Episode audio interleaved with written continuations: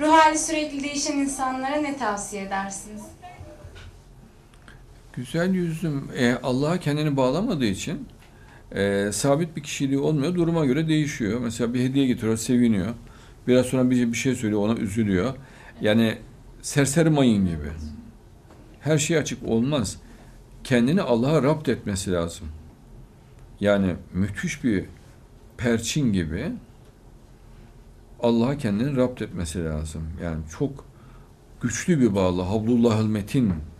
Allah'ın kopmaz koparılmaz ipi diyor ya. Allah'ın kopmaz koparılmaz ipine yapışmalı.